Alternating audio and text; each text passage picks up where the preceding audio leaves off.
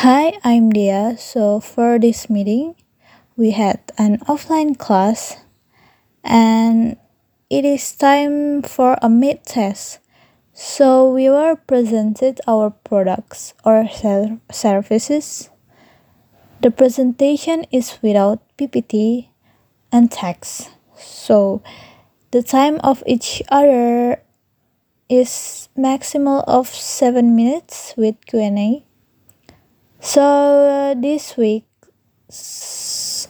actually this week is my time for presentation but we have to priority the food product first. So this week is not my turn. So some of my friends presenting their food product and their products are interesting.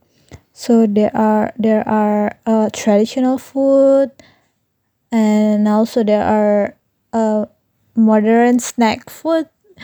So interesting. They are so good when presenting their products. That's all I have to say. Thank you.